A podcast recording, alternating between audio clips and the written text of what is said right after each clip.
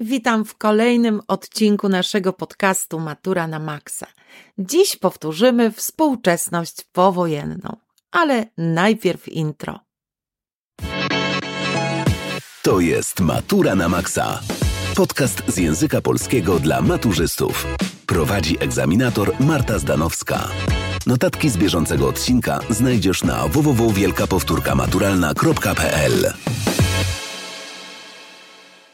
Jeśli chodzi o ramy czasowe epoki, to właściwie okres od 1944-45 roku do dziś.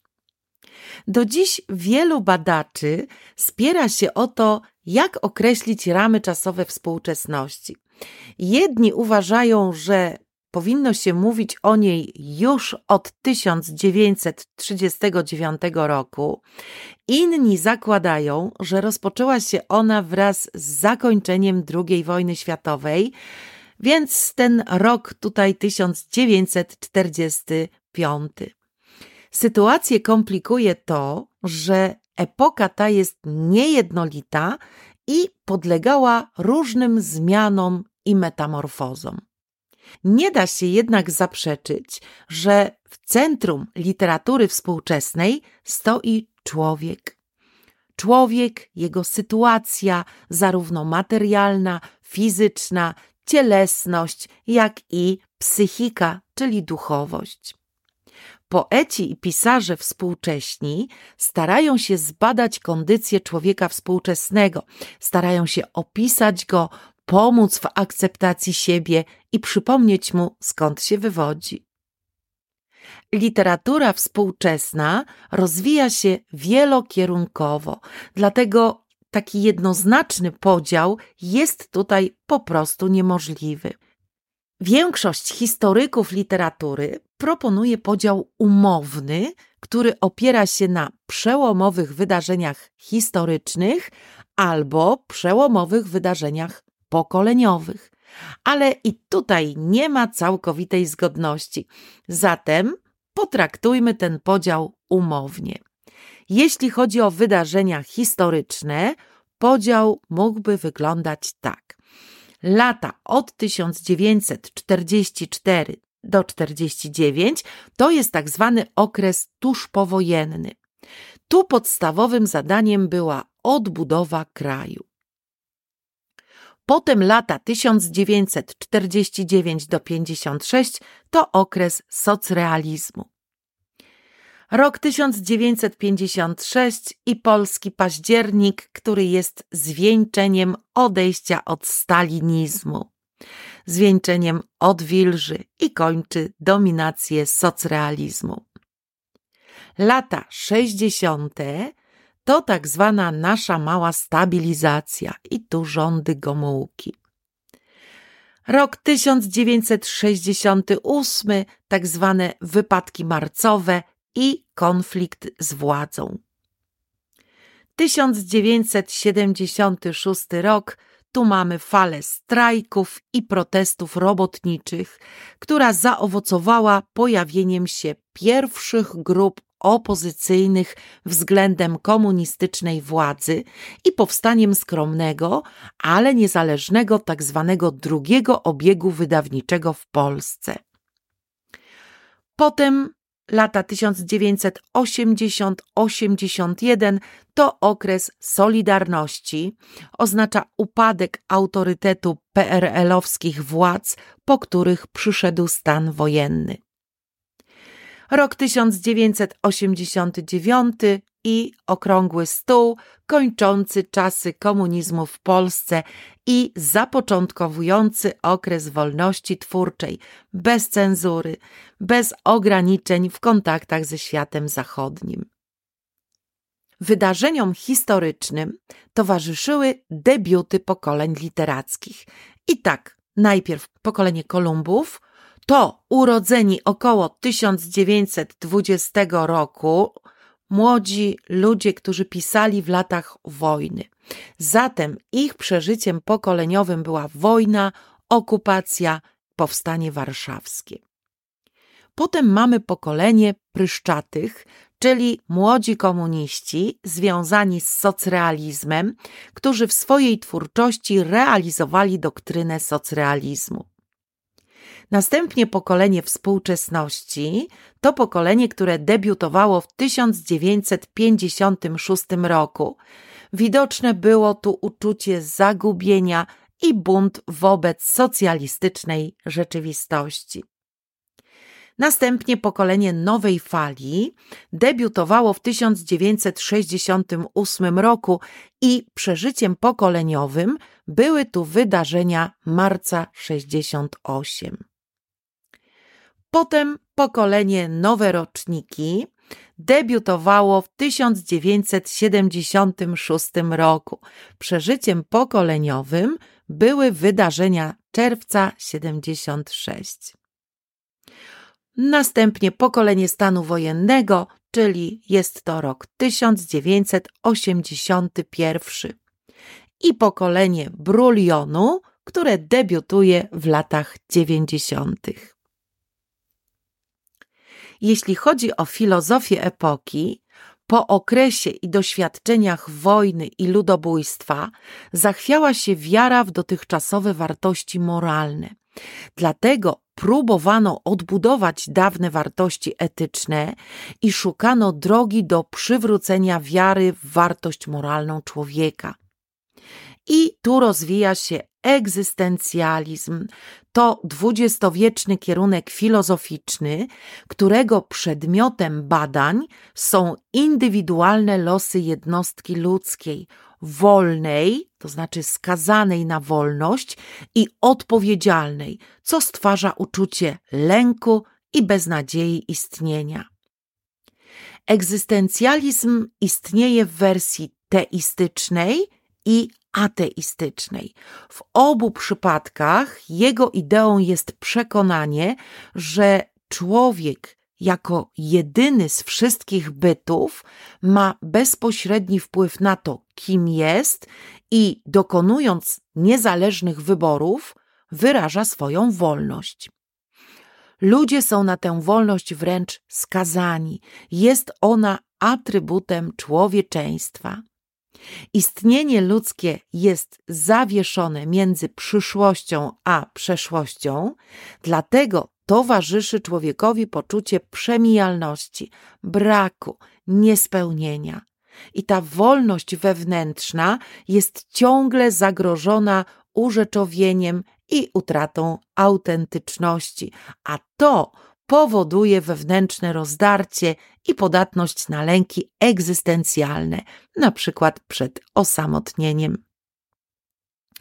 Istnieją przynajmniej cztery motywy egzystencjalizmu. Motyw humanizmu, czyli człowiek jako motyw istnienia, humanizm dla egzystencjalisty jest ściśle związany z jednostką i jej ciągłym projektowaniem samej siebie, takiej swojej esencji. Nie ma tu z góry określonej ludzkiej natury. Motyw infinityzmu, czyli człowiek skończony, styka się w życiu z nieskończonością. Motyw tragizmu, czyli istnienie człowieka jest wypełnione grozą i troską. I motyw pesymizmu, czyli człowieka otacza nicość. Człowiek jest nicością, gdyż jest ciągłym projektem siebie, jest ciągłym stawaniem się, a to nie jest czymś pesymistycznym. Kolejne pojęcie do zapamiętania to postmodernizm, czyli prąd myślowy odwołujący się do poczucia końca historii i wielkich narracji. To jest negacja systemów wartości jako ograniczających i determinujących człowieka. Nie istnieje obiektywna prawda, ale różne dyskursy. Kolejne pojęcie personalizm chrześcijański.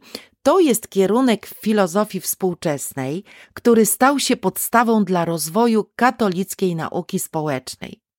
Stanowi on pogłębioną refleksję nad koncepcją osoby ludzkiej. Określany jest także jako humanizm integralny bądź teocentryczny. Czyli człowiek powinien nastawić się na być, a nie mieć. Centralnym twierdzeniem personalizmu jest prawda o człowieku jako osobie. Podkreśla się tutaj szczególną rolę i wartość osoby ludzkiej ze względu na nią samą, uznając w człowieku byt nie tylko biologiczny i historyczny, ale przede wszystkim taki, który wykracza poza naturę i poza historię.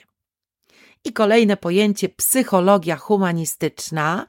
Najwybitniejszym przedstawicielem jest tutaj Maslow, który głosił teorię hierarchii potrzeb.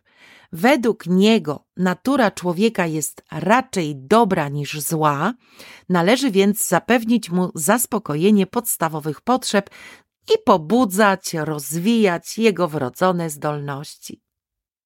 Neomarksizm to kierunek filozoficzny, który poddaje krytyce zarówno leninizm, jak i stalinizm, jak również konsumpcyjną cywilizację kapitalistyczną, która stworzyła człowieka jednowymiarowego, takiego konformistę szukającego wygody życia oferowanej przez nowe technologie. Socrealizm został proklamowany w 1934 roku na zjeździe pisarzy radzieckich w Moskwie przez Maksima Gorkiego. Socrealizm zakładał, że dzieło sztuki powinno posiadać realistyczną formę i socjalistyczną treść, zgodną z ideami marksizmu i leninizmu. Podstawą założeń była praca Stalina zatytułowana o polityce partii w dziedzinie literatury pięknej. Następne pojęcie emigracja. Opuszczano ojczyznę głównie z powodu zagrożenia represjami, a także ograniczeń cenzuralnych i zawodowych. Motywy wiązały się w głównej mierze z niemożnością takiego swobodnego życia w kraju. Pozostanie w kraju objętym wojną lub rządzonym przez reżim w większości przypadków oznaczałoby śmierć, w szczególności dla osób walczących po drugiej stronie oraz dla członków opozycji. Była to zatem emigracja przymusowa. To był sposób na ochronę swojego życia, a nie dobrowolny wyjazd w celu polepszenia standardu życia. I kolejne pojęcie cenzura to zjawisko nadzoru władz Polskiej Rzeczpospolitej Ludowej nad informacjami, a więc nad prasą, nad publikacjami naukowymi i kulturalnymi, nad widowiskami przeznaczonymi do rozpowszechniania. Kolejne pojęcie nowomowa.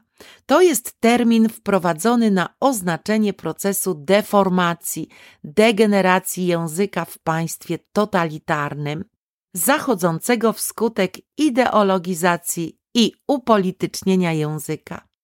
Jest to oficjalny język totalitarnego państwa. Nowomowa nie jest tylko wytworem totalitaryzmów, ale funkcjonuje również jako produkt różnych żargonów, a więc biurokratycznego, politycznego, dziennikarskiego i prawnego. Kolejne pojęcie to odwilż. W historii Polski mianem odwilży określany jest okres od 1953 roku do 1957. Po śmierci Stalina partia zliberalizowała kurs, zrezygnowała z popierania socrealizmu w sztuce i w ramach amnestii wypuszczono wielu więźniów politycznych.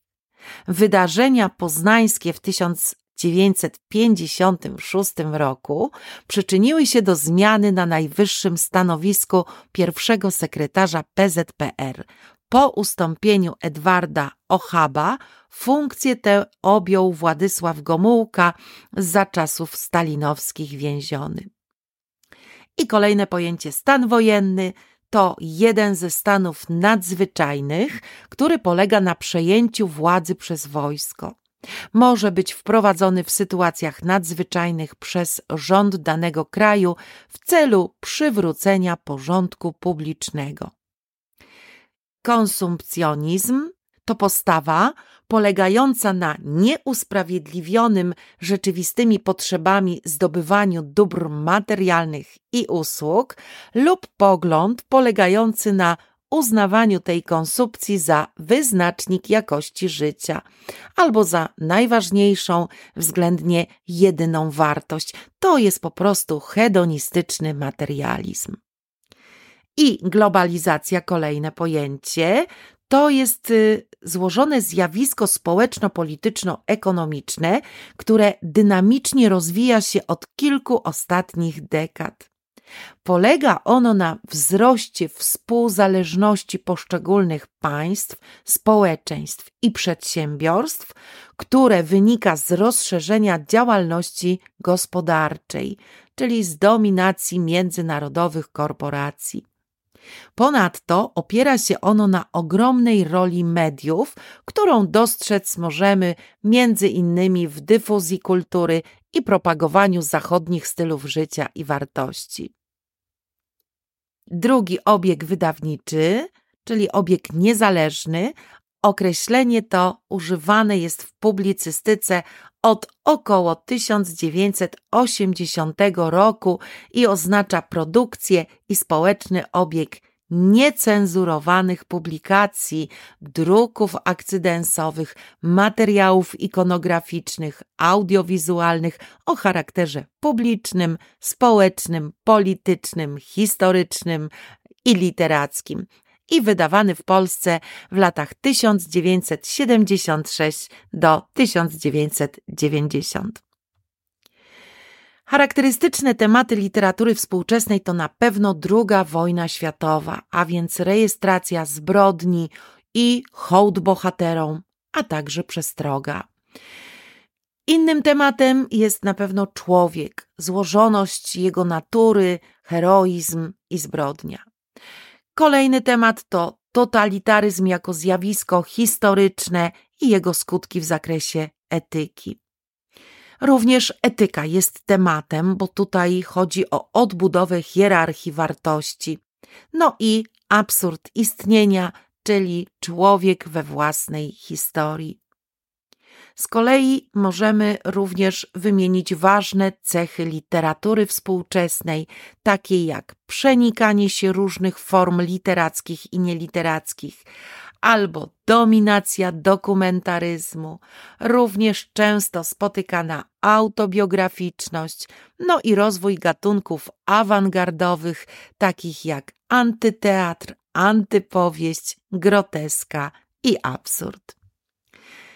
Tyle dzisiaj. Więcej informacji możecie znaleźć na naszej stronie internetowej www.wielkapowtórkamaturalna.pl oraz na Instagramie i na TikToku.